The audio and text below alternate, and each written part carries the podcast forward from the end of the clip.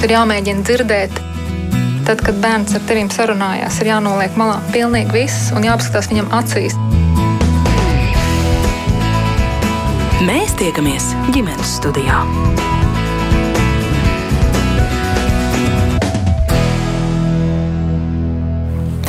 Labdien, rādījums ģimenes studijas sāk savu skanējumu. Jūs sveicināta producents Sermīta Kolāta un mans vārds ir Agnese Linka. Notikušais ar jauno māmiņu Annu, kas kopā ar mazuli novembra sākumā pazuda un zīdainīts pēcāk tika atrasts miris, liek mums kā sabiedrībai arī dzen sausīties un pievērst uzmanību tam, kas ir pēcdzemdību depresija, cik tā ir reāla parādība un aptvert, ka vieglākā vai smagākā formā no pēcdzemdību depresijas cieši konkrēts skaits sieviešu. Daudz stāstu un pieredžu pēc notikušā tagad uzvirmo arī sociālos tīklos. Cilvēki, kā jūtot līdzi notikušajiem, šķiet mazāk kautrējas dalīt dalīties ar to, ko paši ir piedzīvojuši. Kādas mācības mums būtu jāgūst un kādas secinājumi jāizdara, vēl jau vairāk tāpēc, ka šāda nelaime nav pirmā Latvijas eh, mūsu visu pieredzē. Kāda ir pēcdzemdību depresijas simptomi, kam tie jāpamana, kas par to visu ir jāzina tuviniekiem un galu galā, ko mēs vispār varam darīt eh, iepriekš vai preventīvi, īpaši paturot prātā, cik liels ir tieši psihiskās veselības speciālistu trūkums Latvijā. Par to visu šodien ģimenes studijā un sarunas dalībnieki būs eh, psihiatrs un Rīgas Stradiņa Universitātes psihiatrijas un narkoloģijas katedras vadītājs Elmārs Rāncāns. Labdien! Labdien! Arī Veselības centra apvienības ginekoloģijas dienesta vadītāja, arī Rīgas Stradiņa Universitātes pasniedzēja Karolīna Elksne. Labdien! Labdien! Un uh, PEP, jeb pirmās emocionālās palīdzības māma Elīna Kļaviņa kopā ar mums ģimenes studijā arī šodien. Labdien! Labdien! Un kā alaži arī jūs klausītāji esat laipni aicināti pievienoties šai sarunai, ja mūsos klausoties jums rodas kādi jautājumi, komentāri, pieredzes stāsta viedokļi, droši dalieties ar tiem. Mēs gaidīsim tos rakstiet ģimenes studijai no Latvijas radio mājaslapas. Iesākumā es gribu vaicāt, vai līdz šai pēdējai Pēdējā laikā skaļākajai traģēdijai ir sieviete, kas pazuda kopā ar mazuli. Mēs esam bijuši pietiekami apzināti, informēti un pievērsuši uzmanību vispār šai parādībai pēcdzemdību depresiju. Jo, kā jau es minēju, šis jau nav tāds pats pirmais gadījums. Tas vienkārši skaļāk tagad pēdējā laikā ir izskanējis Latvijas plašsaziņas līdzekļos. Es pieļauju, ka gana ir arī tādu, par kuriem varbūt pat eh, mediji neuzraksta vai nepastāsta un par to tik plaši nezinām. Uh, Vai mēs apzināmies šo problēmu kā tādu? Nu, Karlīna, varbūt tad sāksim ar jums. Jā, es varbūt ļaušu nokomentēt Pepa mammai par, par sabiedrību, bet es varu nokomentēt par ginekologiem. Ginekologu apmācībā, nu, ne tikai ginekologu, vispār ārstu apmācībā, mums ir programma pēcdzemdību depresija. Nu, jāatzīst, ka tā nav tēma, kam ir veltīts ļoti ilgs laiks eh, studentu apmācībā. Tas ir vienas nodarbības ietveros, kur runā vēl par citām tā saucamajām sistēmiskajām saslimšanām. Um, tā kā par tas ir, tātad teorētiski medicīnas personālam būtu šī tēma jāpārzina. Teorētiski būtu jāpārzina. Būtu, jā. Vai var arī tā teikt, ka tā fakts kā tāds ir, ka medicīnas personāls to pārzina? I, tie medicīnas personāla locekļi, kas ir tiešām saistībā ar grūtniecēm, jā, jo regulāri arī, lai atkārtotu certifikāciju, ir nepieciešams iziet kursus, kuros arī pēcdzemdību depresija ir ietverta tematiskajā plānā.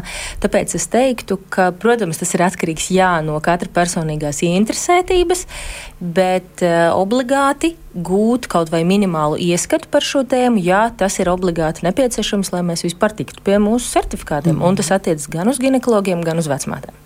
Vienīgi ginekologs eh, regulāri sastopas sievieti grūtniecības laikā, taču pēc dzemdībām, tad, kad bērniņš ir jau klāts, tad tā visticamāk ir viena vizīte, pēc dzemdību vizīte pēc sešām nedēļām. Jā, un uh, tieši tā arī ir, kā jūs tikko minējāt, un tāpēc mums ir ļoti svarīgi šis atbalsta personāls, kas ir ne tikai ginekologi, bet tiešām arī vecmātes, dūles, pepmāmas, kuras mēs varētu vairāk iesaistīt. Mm. Doktor Ansāna, kā jūs teiktu? Jā, runājot par izglītību, jebkuram ārstam, tad, kad viņš eh, mācās pirmsdiploma izglītībā, tad, lai kļūtu par ārstu, viņam arī psihiatrijas kursa ietvaros mēs veltam vienā no nodarbībām. Ir šī tēma pēcdzemdību depresija un ar viens no eksāmena jautājumiem, kuram studentam kārtīgi būtu jāsagatavojas pirms eksāmena. Tāds, tāds arī pastāv. Taču šeit būtiski ir saprast, kas notiek pēc tam. Ja tā ir viena no daudzām diagnozēm, un tie cipari ir nepielūdzami. Par to es arī runājis. E, pasaules dati, jo tie pasaules dati nav Latvijas dati, Latvijā mums nav precīzi zināms cipars. Pasaules dati liecina, apmēram 10% sieviešu būtu pēcdzemdību periodā vai nu pirmo divu mēnešu laikā, vai pat pirmā pusgada laikā varētu attīstīties depresija uz 16,000 e, dzemdībām, kas Latvijā katru gadu notiek. 10% ir 1600 sievietes katru gadu. Jautājums, kur tās māmas paliek? Kas viņas redz, kas ieraugas, pamana, jo depresija pēcdzemdību periodā viņa var izpausties ļoti dažādos veidos, un svarīgi ir saprast, arī ap, sievietēm pašām un apkārtējiem, kā tas izpaužas. Un tas būtiskākais jautājums, es domāju, depresija jau pastāv, bet vai tas tiek pamanīts? Un, ja netiek pamanīts, tad kāpēc? Un te mēs varam skatīties daudzos līmeņos. Sākot no sievietes pašas, tad viņas tuvākais lokus, tad tālāk būs tie e, profesionāļi, kas. Nu, tad, ģimene, draugi, paziņas, tie profesionāļi, kas varētu ar šo mammu saskārties tajā periodā pēc dzemdībām, un tad iet vet, ģimenes ārsts, vecmāte, e, tūla vai pētmāma ginekologs, kurā brīdī.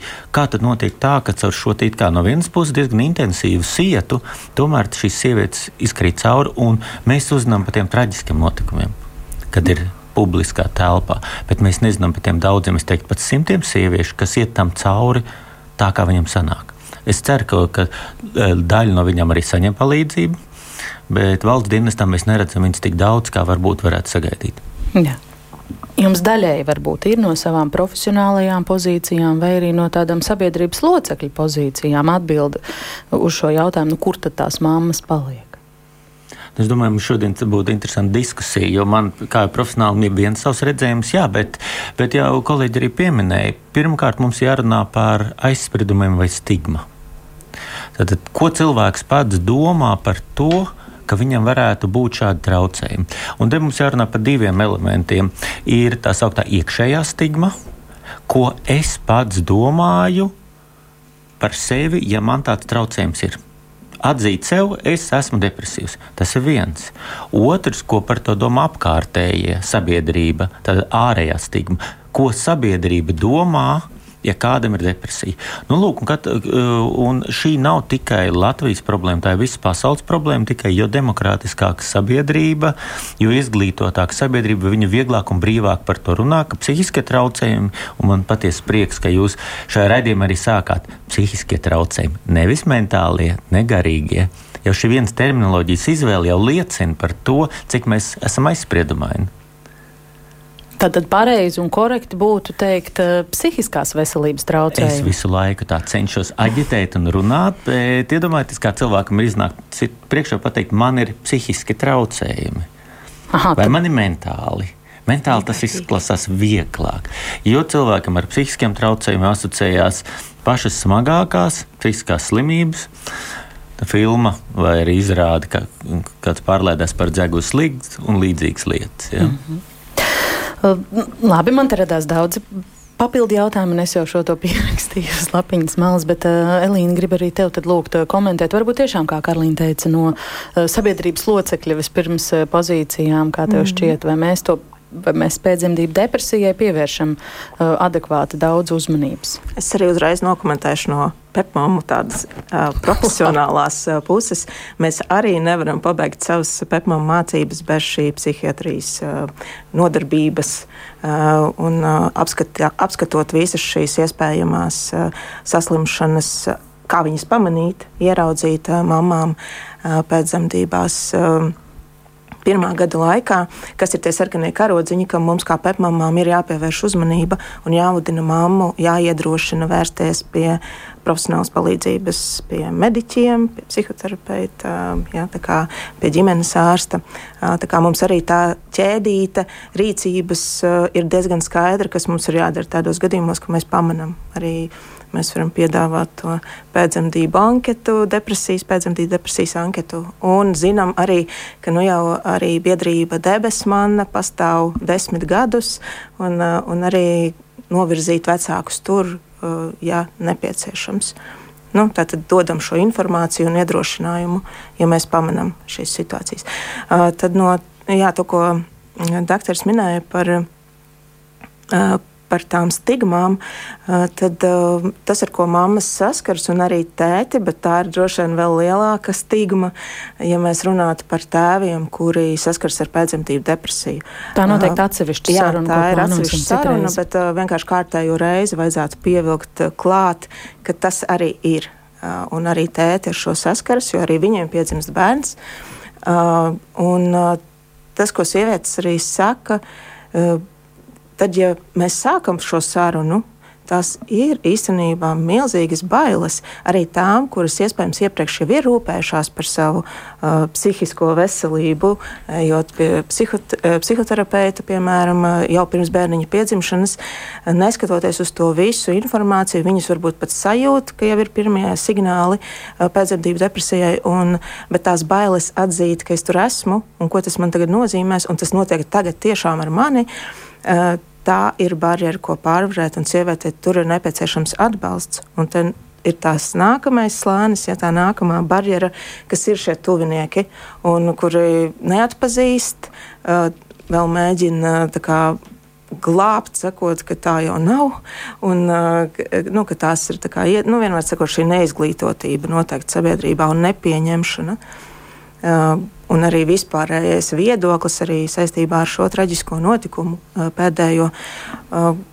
Joprojām parādās komentāri ja, par, par traku psihu sievieti, kura kā viņa tur, ja mums vēl joprojām ir šī daļa arī daudz mazāk nekā bija vēl pirms, man liekas, desmit gadiem, bet tomēr vēl joprojām sabiedrībā tas ir tā kā, liekas, nu, kāpēc tu nepamanīji, ka viņa jau iepriekš bija tāda traka, ja? Tas, eh, tas mums sabiedrībā ir, un to ir grūti cilvēkam eh, depresijā pārvarēt. Jo tāpat jau gribas slēpt, ka es esmu izgāzusies kā mamma, ja man ir šīs sajūtas. Mm. Jūs, eh, starp citu, ļoti korekti noraksturojāt katru savā profesionālajā jomā, kā speciālisti par to tiek izglītoti. Tagad, klausoties Elīnas teiktajā, es aizdomājos, ka patiesībā sabiedrībai, nu, cilvēkiem parastajiem, kas nav mediķi vai eh, nestrādā šajā jomā, no kurienes tā izglītotība vai tā izpratne vispār varētu rasties? Nu, pirmkārt jau vai vispār pašām grūtniecēm, kāds arī uh, stāsta par pēcdzemdību depresijas iespējamību? Jā, mums Veselības centra apvienībā arī notiek māmiņu skolas, un es zinu, ka ne tikai mums, bet arī citās māmiņu skolās jau arī šis jautājums tiek pacelts. Nu, Bet vai tas tieši... nav pēdējā laika, vai pēdējo gadu, vai tāda īsa posma? Nu, tas ir pēdējo gadu. Jā, jā, es neteikšu, ka gluži pēdējo mēnešu, bet, bet pēdējo gadu jā, jautājums ne tikai par pēcdzemdību depresiju. Es jau gribēju sākumā teikt, lai, lai visas mammas nesatrauc tās, kas klausās tagad jaunās māmiņas un domā, vai man ir mm, varbūt es jūtos skumja, nomākta, man ir pēcdzemdību depresija, nu, ka nevajag iekrist tajā otrā grāvī, jo mēs aizmirsām sākumā pateikt galvenais to, to sadalījumu, ka ir jau arī vēl tāds fenomens kā pēcdzemdību skumjas. Nomāktība. Jā, pēcdzemdību nomāktība, kas ir principā fizioloģisks stāvoklis un, eh, nu, cik Profesors man varbūt palabos, bet cik es zinu, ne, nekur tas nav minēts kā, kā diagnoze medicīniski. Tas ir tāds normāls fizioloģisks pārejas posms, ka, kas var piemeklēt lielāko daļu no māmiņām, no sievietēm mm. pēcdzemdību periodā. Bet tas pāriet dažu dienu vai dažu nedēļu. Līdz, laikā. līdz divām nedēļām Jā. tam vajadzētu pāriet. Ja tas ilgst ilgāk kā divas nedēļas, tad gan jau ir jāmeklē speciālista palīdzība. Mm. Bet visas mammas nekad neaizies uz kursiem, visas nekad nebūs tik uh, apzinīgas, un varbūt arī to iespēju nevienmēr m, pietiek Nu, es domāju, ka jūs esat pamanījusi, un arī klausītāji ir pamanījuši, ka tikko mums ir kāds tāds liels un skaļš notikums, tā sāk vēlties šī lavīna, kas, jā, ir šis skumjais notikums, bet um, tas nes līdzi arī sev to labo, um, labo procesu, proti, tiešām sabiedrības izglītošanu. Tā mums bija ar vardarbību dzemdībās, mēs tagad daudz vairāk par to runājam, ir vairāk lekcijas, um, organizācijas, kas ir saistītas ar jaunajām māmiņām un, un dzemdībām, vairāk par to arī runā. Es pat esmu vairākas lekcijas par to tapusi uzaicināta nolasīt, un es domāju, ka šis arī ir līdzīgs gadījums. Um, jā. Nu, skumji, bet tas ir devis kaut kādu tādu pozitīvu grūdienu sabiedrībai arī izglītoties. Doktor, no kurienes tā? Par, jā, par sabiedrības izglītošanu. Ir, arī šis raidījums ir viens no tiem, kas, kas pa ķīlītim, pa ķīlītim būvē to māju sapratnē un, un atbalstā. Ļoti svarīgi ir arī apzināties un atkārtot arī sabiedrībai, ka mums ir vietas un resursi, kur var iegūt uz zinātniskiem pierādījumiem bāzēta informācija. Un tas nav obligāti jāskatās profesionāļu mājaslapās, bet eh, es zinu, debesmanā, eh, mamām un tētiem mājaslapās, kas ir ļoti populārs un pievēršas šim, šim tik atbildīgam un rūpi pilnajam periodam, kā grūtniecība un pēcdzemdību periodu, tur ir ļoti labi raksti. Es pats, kad, kad par šī lietai ieskatījos, jā, ja cilvēki grib un vēlas atrast to informāciju, viņi var. Tie, kas lasa angļu valodā, tais informācijas apjoms ir vēl lielāks.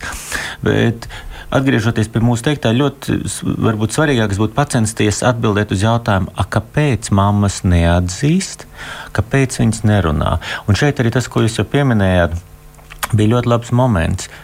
Ko mamma pati domā, ja viņai ir šī pēcdzemdību depresija? Un te sākās vainas sajūta, kauns un citas tādas ļoti bāziskas emocijas. Uh, ko sieviete kaut kādā veidā attiecina uz sevi. Un piedāvājuma plus sociālais spiediens, par ko visi ļoti labi apzinās, ko tas sabiedrība sagaida no mammas, kad viņa iedzemdējuši šo savu bērnu. Viņai jābūt laimīgai. Priecīgai. Visi, visi notrauc to sviedru lāsu, ja deviņu mēnešu satraukumu un gaidību, un kā nu būs, kā iznāks, vai no dzemdībām, vai būs viegli, un cik fu, notraucam sviedrus. Jā, visam jābūt lieliski. Kā tu vari justies slikti? Un tas ir tas, kas bieži vēršas pret pašu sievieti, jo pie pēcdzemdību depresijas neviens nav vainīgs. Un atkārtošu, neviens.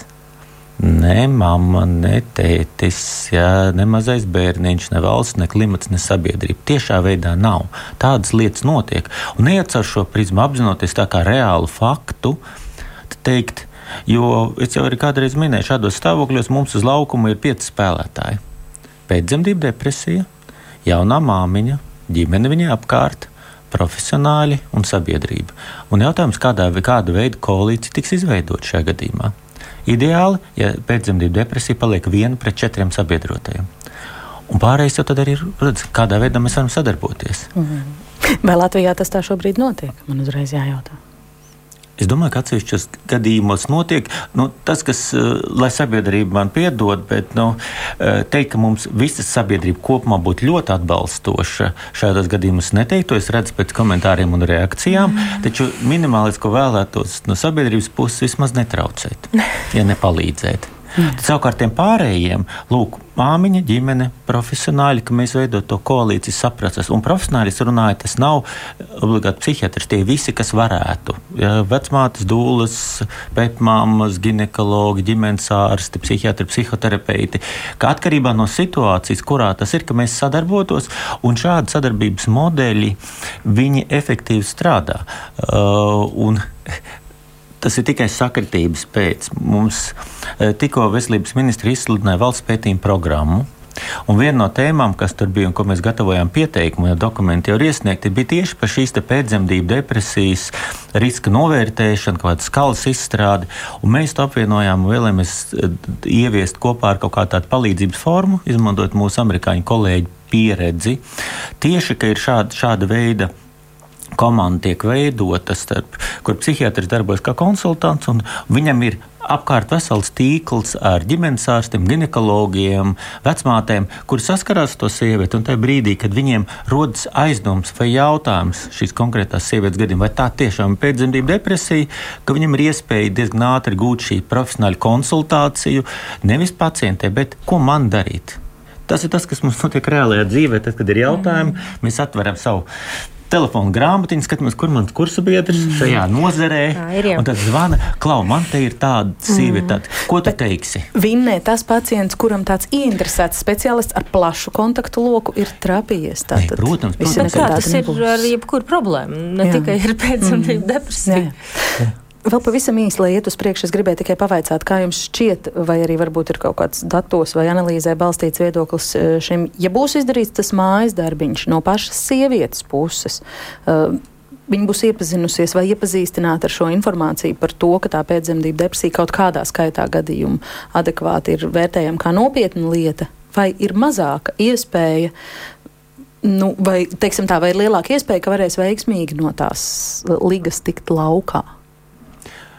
Nu, Cik tas ir svarīgi? Jā, nē, tas ļoti, ļoti svarīgi. Nu, viss jau tas, ko kolēģi ir saka, viss sākās ar izglītošanu un zināšanu par. Tu nevari, tu nevari mainīt vai labot kaut ko, ko tu nezini. Sākumā dot lietām nosaukumu, un tam, jā, tam jābūt jau ir šajā māmiņu skolā.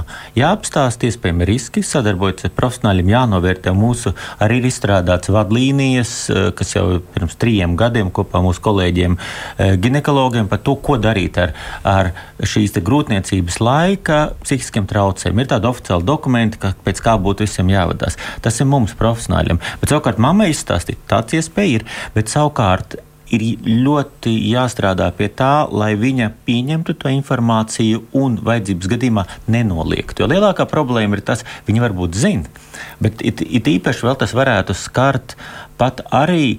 Uh, ļoti intelektuāli attīstīts cilvēks. Jo viņš šajā brīdī, zinot pēcdzemdību depresiju, var izdarīt pašnāvību, vai nezinu, kaut kas var nodarīt kādam citam kaut ko pāri. Un cilvēks tik ļoti sabīstās no tās iespējamās nākotnes perspektīvas, kur viņam tur ir tāda lejpējoša spirāli. Jo vairāk esi depresīvs, jo sliktāk tu vērtē nākotnes izredzes perspektīvu, tad esi sliktākās domās par sevi, tā tad lejpējoša spirāli, kurā cilvēks slīkst iekšā, un tad viņš varbūt savā prātā aizdomājās par kaut ko varbūt ļoti traģiski un smagāk nekā tas ir patiesībā.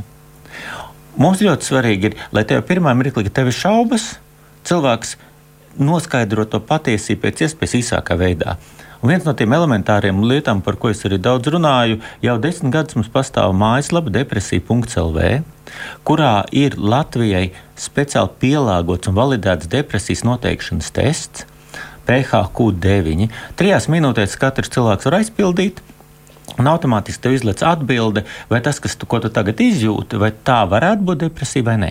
Un rekomendācijas, ko darīt tālāk. Tas ir pirmais solis. Un, ja tai pašai mammai, kamēr vēl specifiskāki instrumenti nav izstrādāti, rodas šaubas, iet, uzklikšķina un saprot, kas man šodien ir. Tas tā kā nomērīt temperatūru. Mm. Ja?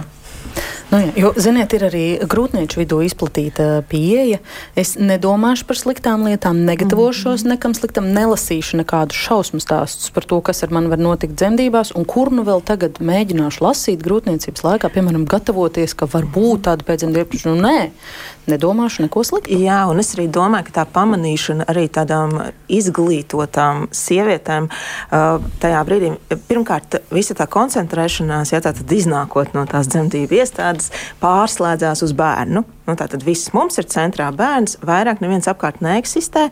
Vienīgie jautājumi, vai viņš tev ļauj gulēt, un ko viņš, vai labi ēd krūti, kā tu baro. Nu, visi šie svarīgie jautājumi, kas ir, protams, svarīgi, bet uh, kādam par to bērnu ir jārūpējas, un tātad šie pieaugušie, šie vecāki ir tās svarīgās personas, un tad, um, jā, arī viņas um, var nepamanīt tajās lielajās rūpēs. Un arī daloties, diemžēl, ļoti, ļoti skarbas uh, pieredzes vecākiem, daloties ar savām um, varbūt pārlieku jau ilgajām skumjām, kas ir šie depresīvie stāvokļi. Uh, vai grūtības, arī mediķi, ģimenes ārsti tajās retajās reizēs, ka viņi to mammu reizi mēnesī satiek ar to zīdēnīti. Mamma saņemās drosmi pateikt, un ir atbildes, bet neviens jau tev neteica, ka būs viegli. Vai tad ne tā? Jā, tā tad nav šīs, nu, ko ģimenes ārsts saka, viņiem, protams, ir šīs vadlīnijas, kur viņi, viņas, viņi var kā, ievērot, ja viņi vēlās, kā, ka tas nav tomēr tāds, nu, skaidri noteikts, eh, ko viņiem obligāti būtu jāievēro. Nu, tad eh, atkal, jā, ja ir šie interesētie, ieinteresētie speciālisti, tad viņi, protams, šo nelaiž garām. Viņi saklausa uh, šīs pirmās pazīmes un, un tad iedrošina attiecīgi rīkoties. Jā, ģimenes ārsti jau var zāles arī izrakstīt. Jā, nu tā, un tad, protams, arī uh, tās bažas mamām uh, par to ļoti bieži arī es saskaros, uh, ka mammas baidās tās, kuras zīd ar krūti. Uh, Es nevaru, kam es, tagad, es iešu teikšu, man jā, būs jāpārtrauc tā krūts mm. zīdīšana. Un tad atkal tas iedrošinājums meklēt speciālistus, meklēt ārstus un piemeklēt medikamentus. Cik nu ir iespējams, ko var savienot ar zīdīšanu, un, ja nevar savienot ar zīdīšanu, nu, tad mēs esam visu izdarījuši. Bet tā zālītes savas dzīvības dēļ, savas izdzīvošanas dēļ, iespējams, ir jādzer un zīdīšana jāpārtrauc.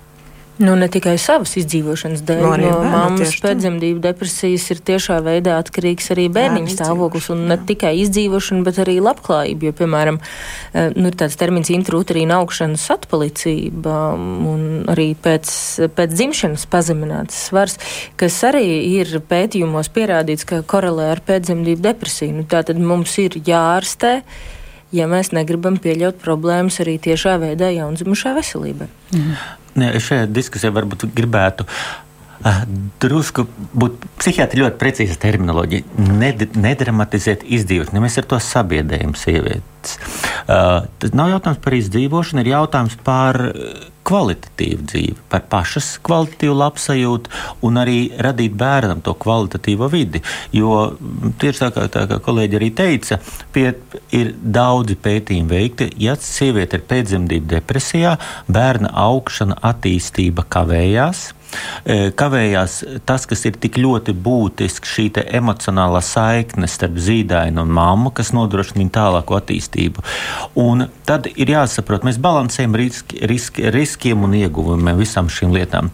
Uh, praktiski visi psihiatrijā pielietojamie medikamenti no, ar, ar liel, lielākā daļa, lielākā vai mazākā mērā nonāk mātes pienā. Tikai būtisks ir jautājums, cik liela ir tā dēvela koncentrācija, vai tas iespaido zīdaini vai neiespaido. Un tas ir ļoti tāds, jābūt ļoti izsvērtam un nopietnam profesionāli viedoklim, vai var sievietei piemeklēt medikamentu.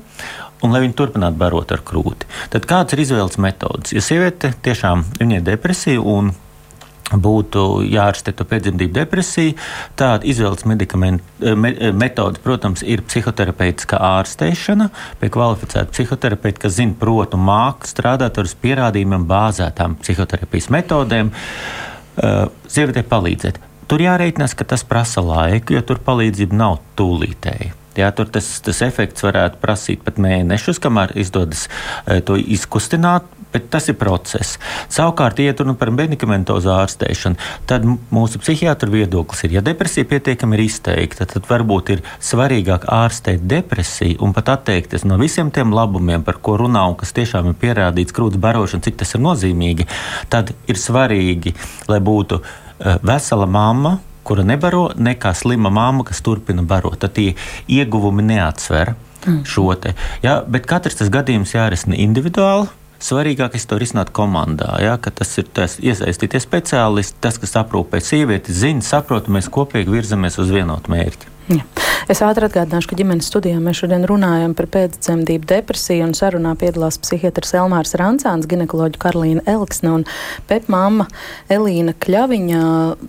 Varbūt tā konspektīvi, jo es pieļauju, ka par to var runāt stundu, divas un trīs, vēl kādus trīs raidījumus izvērst. Bet tomēr īsa, īsumā var paraksturot, kādi ir tie pēcdzemdību depresijas simptomi, kas ir tie sarkanie karogi, ko var un ko vajadzētu pamanīt mums, tuviniekiem, partnerim, vīram, ģimenei. Nu, laikam, skatu uz manas psihiatrijas. Eh, ļoti svarīgi mums runāt par laika periodu. Pirmās divas, trīs nedēļas pēc dzemdībām, eh, raudulība, bažas, grūtsirdība, emocionāls svārstības. Tas, kā kolēģi minēja, tas var būt viens no mm. pēcdzemdības skumju, distīmijas simptomi, ļoti dažādi nosaukumi, sinonīmi. Tas ir fizioloģisks stāvoklis, tam ārstēšana nav nepieciešama. Galvenā ārstēšana - atbalsta, atpūta, Ja. Es varbūt pateikšu, ka tām, kas lasa angliski, tas populārākais būs baby blues. Tas mm -hmm. būs tas nosaukums, kā jā, jā. to var atrast. Bebīšu skumjas, blues. Nu, lūk. Un tas ir tas, tas ir tas palīdzības veids, un šim ir no tā nav jābaidās, bet tam principā jāgatavojas, jo tas ir tas mirklis, kad sieviete atgriežas mājās, un visai sistēmai jau jābūt gatavai. Es pat teiktu, ka ne tik daudz pašai sievietei jāgatavojas, bet, bet apkārtējiem. Jā, jā, tas ir jā. normāli, ka mm. tas var būt, būt atbilstošiem, jo sieviete var mazāk. Jo partnerim un apkārt, vai nu, kas, kas nu tur ir vēl šajā maisaimniecībā vai tuvajā lokā, ir jāvar vairāk. Mm. Protams, protams un, un tieši, tieši tādēļ, ir, e, ja tas ir pirmais bērniņš, arī tas ir tas viss ir jauns un jāsaprot un jāzina. Tāpēc ir tam māmiņas skolām jānāk arī tētiem, lai viņi zinātu, ko tajā brīdī.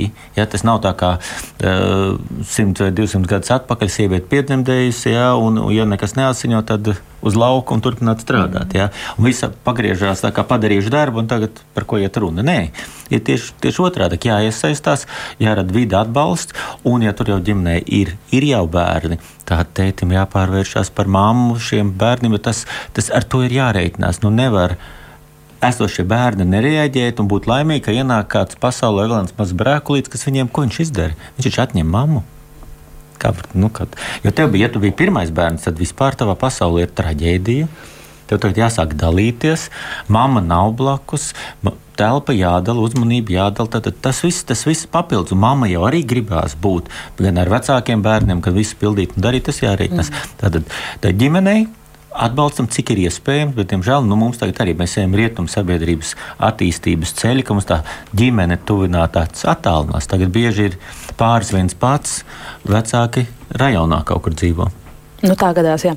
Bet, nu, tad, teiksim, divas, trīs nedēļas grūtās ir pārvarētas, ja problēmas saglabājās. Kas ir tas, kam būtu specifiski jā. jāpievērš uzmanība? Jāpievērš uzmanība tam, ka sākās grūtsirdība, nomāktība, ka sieviete var sūdzēties par raudulība, aizkaitāmība, bailēm ļoti bieži izpaužas bailes un trauksmes attiecībā pret bērnu, kā būs, vai tikšu galā, vai bērns ēd, vai guļ vai neguļ.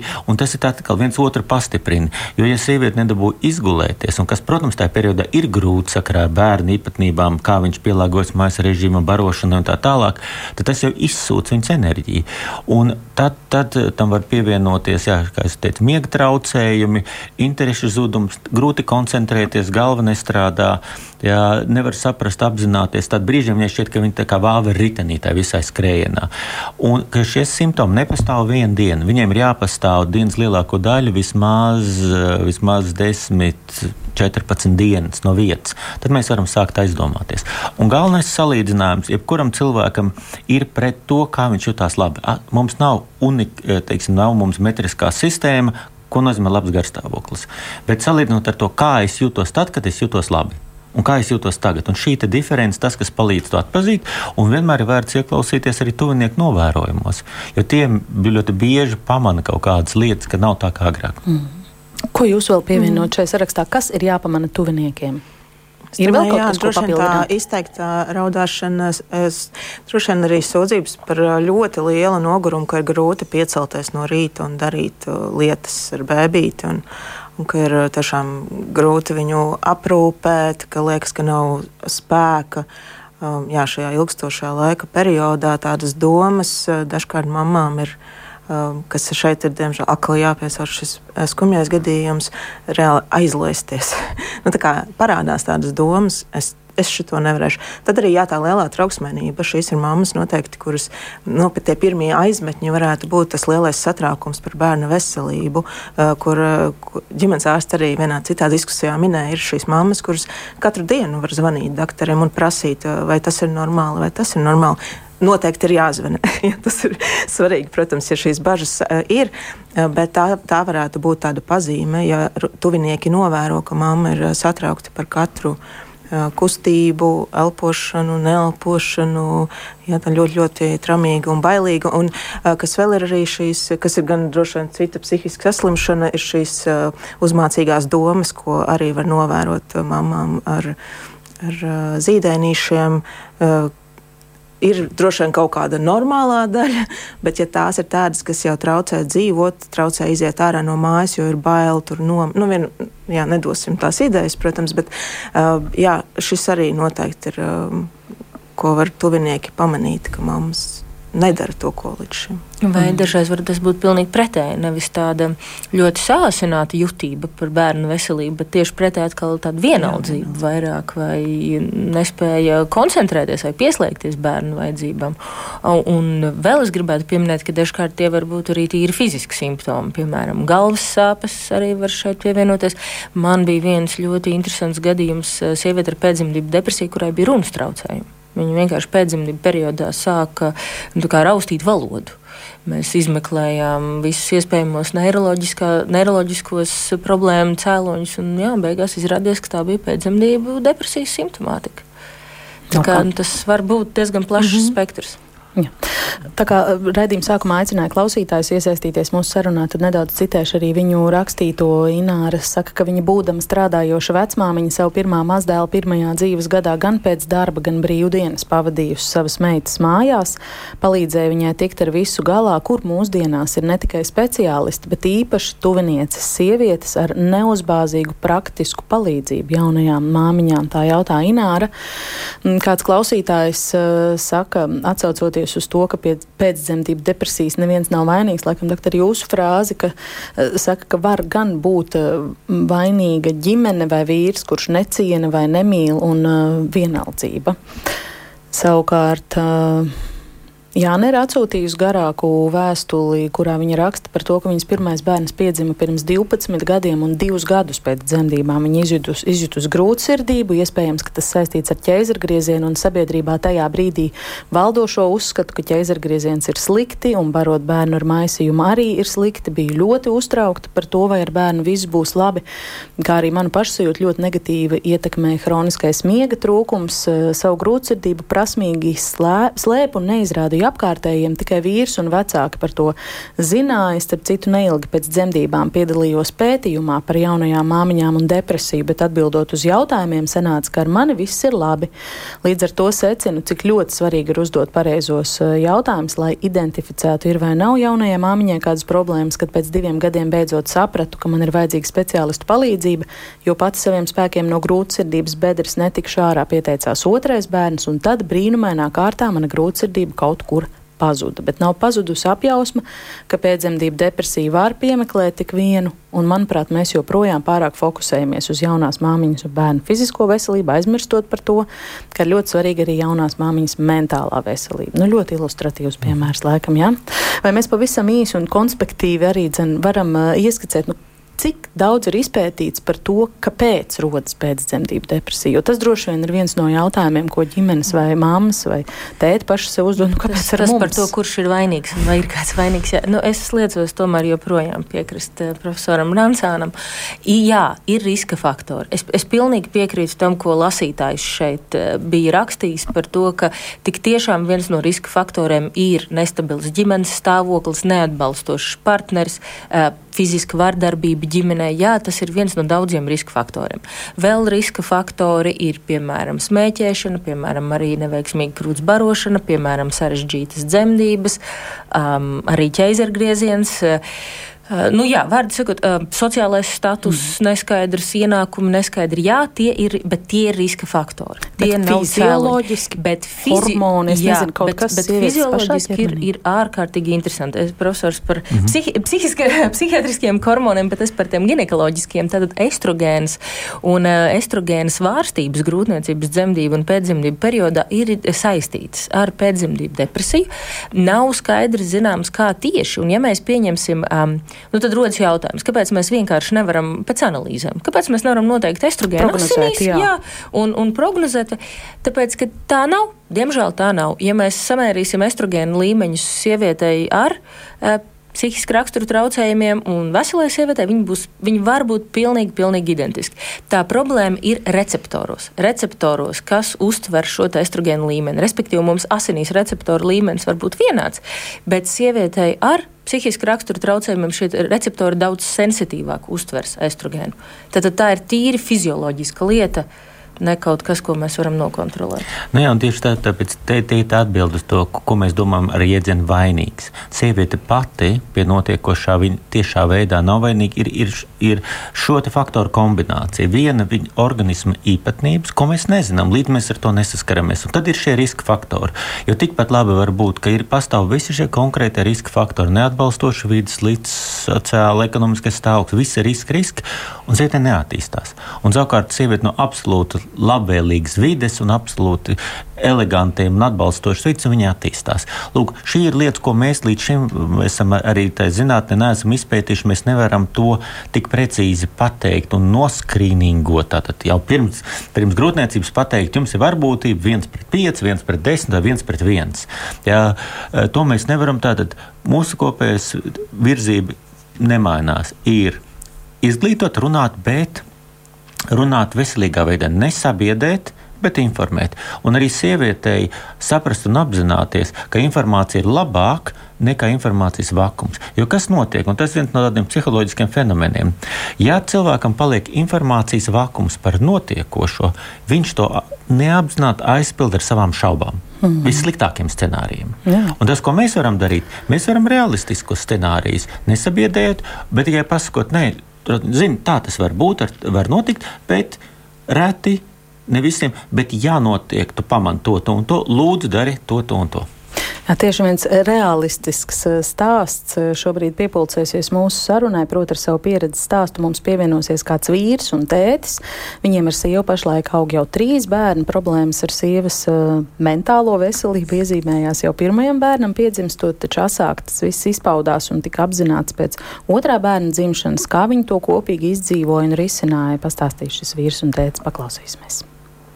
Mums šis gadījums izpaudās tā, ka sievai bija ļoti liels uztraukums par visu, par labi, par kreisi, par sīkumiem. Ļoti liels nemieris, eh, kas izpaudās eh, ne tikai domās eh, vai spējā secīgi domāt, vai arī spējā pieņemsim domāt par kaut kādām lietām labi vai slikti. Bija ļoti liels hauss galvā, to varēja redzēt. Pieņemsim produktu sastādīšana aizņēma krietni vairāk laika. Likās, ka apakšā tas stress bija, ka kaut ko neizdomā izdomās, vai kaut ko izdomās nepareizi, kaut ko lieku paņemsi, vai par kaut ko pārmaksāsi, vai par kaut ko nesamaksāsi. Liekas, ka cilvēkam galva iet visu laiku uz, uz 100% tās domas, un viņas sāk jaukties kopā. Nav konsistences, nav konsekvences, un e, tas izpaudās vispār visā. Ne tikai domāšanā, darbībās tas izpaudās. Galu galā šis uh, mūžīgais, kā, nu, emocionāli tu visu laiku strādā uz 100%, beigās tas pārvēršas par tādu emocionālo izdegumu, kas savukārt pārvēršas par fizisko izdegumu, kad negribas neko darīt, nekas neliekas interesanti, nav spēka neko darīt. Gribās varbūt brīžiem, bet tāpēc, kad ir tas emocionāli fiziskais izdegums, tad arī tu nevari sevi vienkārši fiziski piespiest iet un to darīt. Vismaz tā tas izskatījās no malas. Cilvēks izdedzis, cilvēks nevēlas neko darīt, nekas nav interesanti, viss liekas grūti, viss liekas slikti, mazākās problēmas ir lielas problēmas. Rezultātā veidojas arī savstarpējā komunikācijā ļoti daudz pārpratumu, jo kaut kāda ikdienišķa problēma tiek multiplicēta vairākas reizes, un katru reizi tiek mēģināts no mušas uzpūst zīlonis. Es pēc dabas tāds cilvēks, es uztveru lietas ļoti saprotoši un mēģinu ielīst tajās kurpēs, tomēr savā no nu, tuvākā cilvēka. Man tuvāka cilvēka nav. Es sapratu un redzēju, ka ir problēma, ka ir eh, kaut kas ne tā, kaut kas ir slikti, un mana pirmā reakcija bija tas, ka vajadzētu aiziet pie et speciālista, izskaidrot, paskaidrot, pastāstīt, kas ar tevi notiek. Un varbūt viņš kā speciālists varētu tev arī pateikt, vai nu esi vienkārši pārgurusi vai kaut kas ne tā. Tad attiecīgi viņa devās pie speciālista. Speciālists arī attiecīgi izrakstīja zāles, nekas traks, nekas spēcīgs un uh, rekomendēja darbības kas cilvēkam ikdienā jādara, no kā jāatsakās vai, vai jāpamaina. No savas puses es biju maksimāli saprotošs, maksimāli palīdzēju, maksimāli vēroju cilvēku tos brīžus, kad palika vienkārši pārāk grūti, kad nāca kaut kāda panika neliela. Es maksimāli centos no savas puses noņemt to uh, galveno stresa avotu, kas nu, tajā brīdī tas ir tavs bērns. Jā? Viņš, viņš ir maziņš, viņš ir bebīts, viņš neguļ. Mūsu ģimenē bērni neguļ līdz pat gadam un tālāk. Uz to brīdi mums jau bija divi bērni.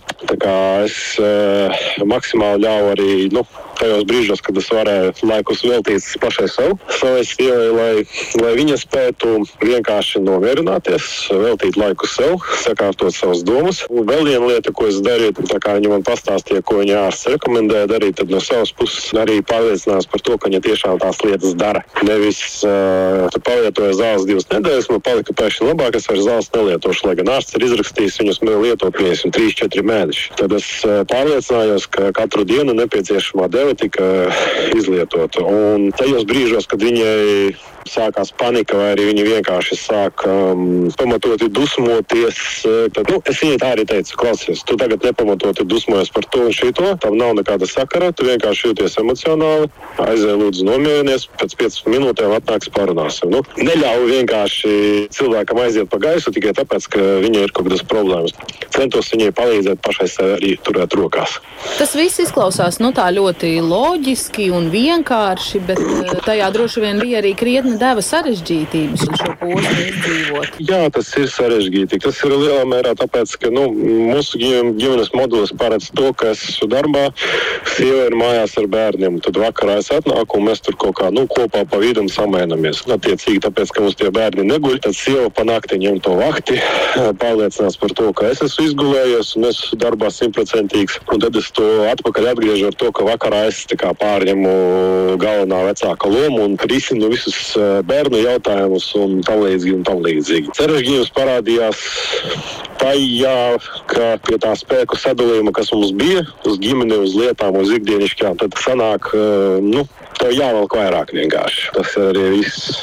Es pieņemu, ka tā tas ir. Tā tas kādu laiku būs. Un, uh, tagad ir mans laiks palīdzēt, lai iztaisnotu to virzienu, lai vienkārši ģimenē būtu miers, dievs un viss, viss tā kā būtu labi. Bet, nu, partneris taču varētu vienkārši uz uh, sievieti, kura ir visu laiku dusmīga, nervoza un ar kaut ko neapmierināta, nu, sadusmoties, apvainoties, nesaprast. Nu, tas prasa kaut kādu zināšanu apjomu, lai spētu to uztvert tā, kā jūs šobrīd to raksturojat. Pirmkārt, mēs, kad savu attiecības pašā sākumā, pieņēmām, ka vienkārši mēs lietas maksimāli cenšamies izrunāt, atrisināt, kas mums pašā sākumā ļoti, ļoti, ļoti palīdzēja iemācīties viens otru saprast, nevis emocijās vienkārši tikai dragāt visu laiku. Bija tas, ka ja mums aizgāja, pieņemsim, emocionāla saruna par kaut kādu svarīgu vai nesvarīgu lietu, mēs ļāvām viens otram pusstundu aiziet katram savā istabā, pālpot vienkārši un padomāt ar smadzenēm. Tad izējot ārā, mēs uh, nomierinājušies, bijām spējīgi uh, viens ar otru izkomunicēt kaut kādu jautājumu jau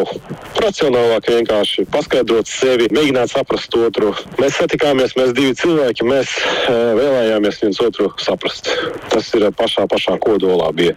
Protams, arī literatūra, kas man ļoti, ko es jau būtībā tikai pēc tam izlasīju. Jordana Petersona grāmata 12 Rules for Life, angļu valodā. Nu, un uh, trešais būtu mana dabiskā vēlme interesēties par lietām, ar kurām es sastopos. Šajā gadījumā es sastopos ar to, ka nu, bija emocionālās tās problēmas, un attiecīgi es vienkārši bēru vaļā internetu, veco labo Google un skatījos, meklēju. Par to speciālistu pieejamību, par kaut kādiem atbalsta veidiem, risinājumiem. Kā jūs vērtējat, cik tas bija pieejams? Tas notika par jūsu pašu ģimenes finansēm?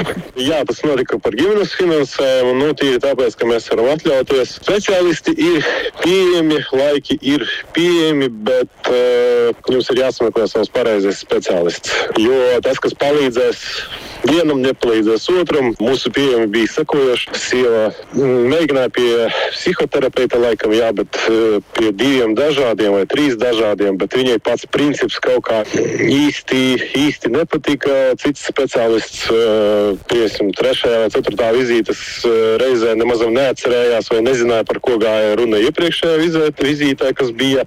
Citam tas palīdz, citam tas liekas aizvainojuši. Atkal katrs meklē savu. Jā, psihiatrs bija divi, bija viens un tad bija otrs. Sākumā gāja pie viena, un tā kā viss bija ok, viss bija labi, viss tā kā normalizējās, bet bija grūtības pārkāpt kā nākamo līmeni, tā kā beigās izārstēties. Un pamēģinājām speciālistu, un otrs speciālists deva pavisam citu un jaunu un svaigu ieskatu uz, uz tām problēmām, un tā matemātika sanāca, tur sanāca tie divi plus divi ir četri, un tagad ir lielāka un padziļināta sapratne, kāpēc tā depresija sākās, un arī deva ieskatu uz to, ka tie iekšējie uztraukumi, viņi patiesībā nav saistīti ar um, tik daudz ar pēcdzemdību depresiju, cik patiesībā ar citu lietu, kas ir ģenētiska un kas ir, nu, ir raksturota ģimenē. Arī tas bija faktors, ka tas pēcdzemdību depresija pasliktinājās, tāpēc, ka bija cits papildus faktors, par kuru nezinājām un kuru pieskaitījām klāt pie pēcdzemdību depresijas, kas patiesībā ir vienkārši no cilvēka dabā.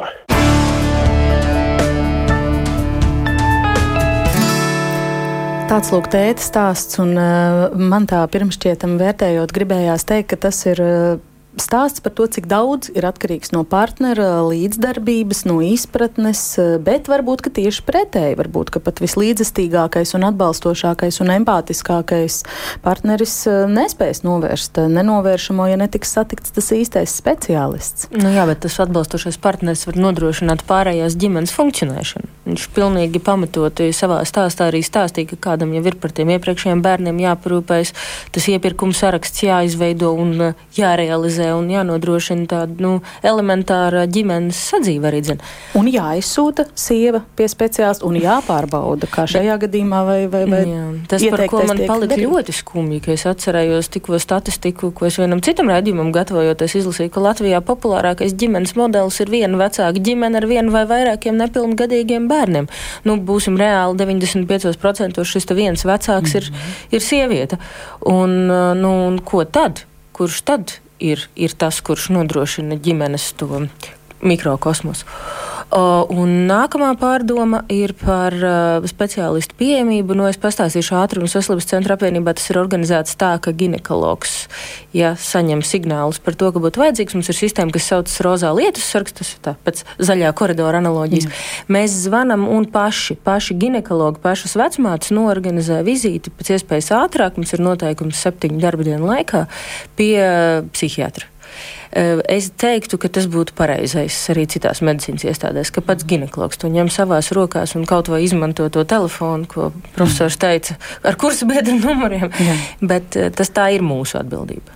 Pavisam īsi, kādus akcentus jūs varbūt saliktu noslēdzot, vai par stāstu, vai vispār? Par stāstu šis ir tiešām pozitīvs stāsts. Pirmkārt, jau bija redzama vīrija saiste, un tas ir ļoti būtiska nozīme. Viņš saprata, domāja, izprata, un viens no elementiem, kas bija ļoti svarīgs šajā ģimenē, cilvēki iemācījās runāt agri vai vēlu, jo viss sākas ar to, ka spēj savā starpā dalīties, dalīties kādreiz arī tad, kad ir ļoti emocionāli, atrast veidu, jo tas ir ceļš. Savukārt, no tīra tāda psihiatriskā viedokļa, trauksme un depresija iet roku rokās. Ja jūs redzat trauksmi, meklējiet depresiju, jūs redzat depresiju, meklējiet trauksmi. Tā ir ļoti bieža kombinācija, un arī tam ir vērts pievērst uzmanību kā šajā gadījumā. Mm. Elīna?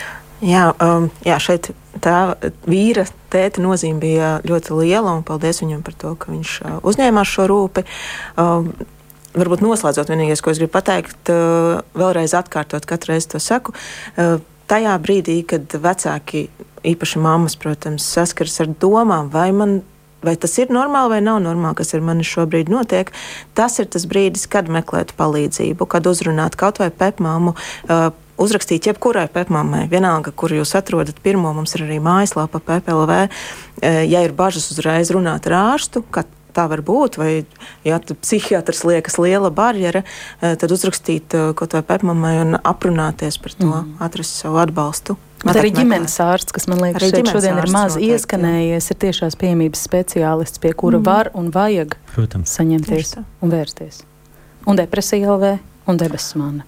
Mm ir tie resursi, kurus var izmantot. Es teikšu paldies par sarunu ģimenes studijā. Šodien uh, psihiatram Elmāram Rancānam, ginekoloģijai Karlīnai Elksnai un pepmāmai Elīnai Kļaviņai. Vēl piebildīšu, ka platformā Mana balss LV šobrīd ir sākta arī parakstu vākšana, lai panāktu uzlabojumus emocionālu un praktisku atbalsta jomā grūtniecībā, dzemdībās un pēcdzemdību periodā. Nu, cerēsim, ka mums kā sabiedrībai tas būs pietiekami svarīgi, lai paraksti tiktu savākti, dzirdīgas ausis eh, tos eh, ieraudzītu, izdzirdētu un lai, lai virzītos kādas eh, pārmaiņas vai uzlabojumi. Un teikšu, ka ģimenes studiju šodien veidojas Armīta Kolāta, pie skaņa pults bija Mārtiņš Paiglis, mani sauc Agnese Linka, bet rīt par to, ka gandrīz ik viens vecāks rudens pusē sastopas ar biežāku bērnu slimošanu. Mm, nu, parasti tās ir iesnas vai sāpošs kakls, ja tas atkārtojas ļoti ļoti regulāri, tad nereti ārsti iesaka mandeļu operāciju. Kādas tad ir jaunākās atziņas par mandeļu nozīmi cilvēku organismā un pie kādiem nosacījumiem no tām ir jāatbrīvojas? Par to speciālistus izvaicāsim ģimenes studijā. Rīt, kā vienmēr no diviem līdz trījiem, klausieties mums arī podkāstos, mobilajā lietotnē un sekojiet ģimenes studijai sociālos tīklos uz sadzirdēšanos.